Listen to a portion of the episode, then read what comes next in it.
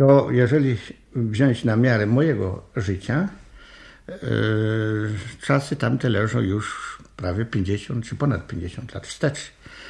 I wtedy liczyłem 15 lat rok 1918, a więc wtedy, kiedy następuje w Niemczech załamanie e, już frontu, rewolucja i teraz te wyczekiwania, jeżeli chodzi o nas, Polaków, prawda?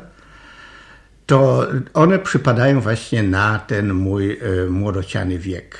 Jeżeli pamiętam z tamtych lat mm, trochę, czy może nawet więcej, aniżeli y, ktoś inny z moich rówieśników, to chyba dlatego, że y, taka była tradycja rodziny, że w tej walce o polskość tkwiła ona już od y, wielu lat.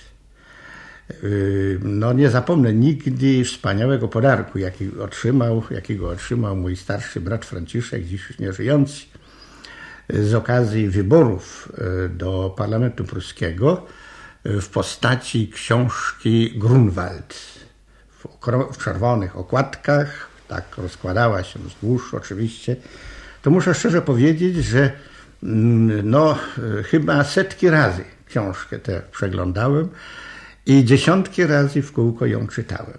Nie tylko ja, ale i rodzina. I stąd oczywiście Y, te wydarzenia, które mm, później nastąpiły, a więc y, to, co już mówiłem, załamanie się frontu y, cesarskiego niemieckiego, rewolucja w Niemczech, to znalazły mnie również już w jakiś sposób przygotowany. Już wówczas we wsi mojej, w Tomaszkowie, w powiecie olsztyńskim, było pełno głosów o tym, że będzie Polska. Mówiono nieśmiało o tym również, że w tej Polsce, która ma powstać, niewątpliwie ma być i Olsztyn. Ale jak do tego dojść? Czy y, ludność tych terenów ma sama zadecydować o swoim losie? Czy y, przyjdzie jakaś armia, oczywiście polska, która wyzwoli nas, przyłączy do Polski?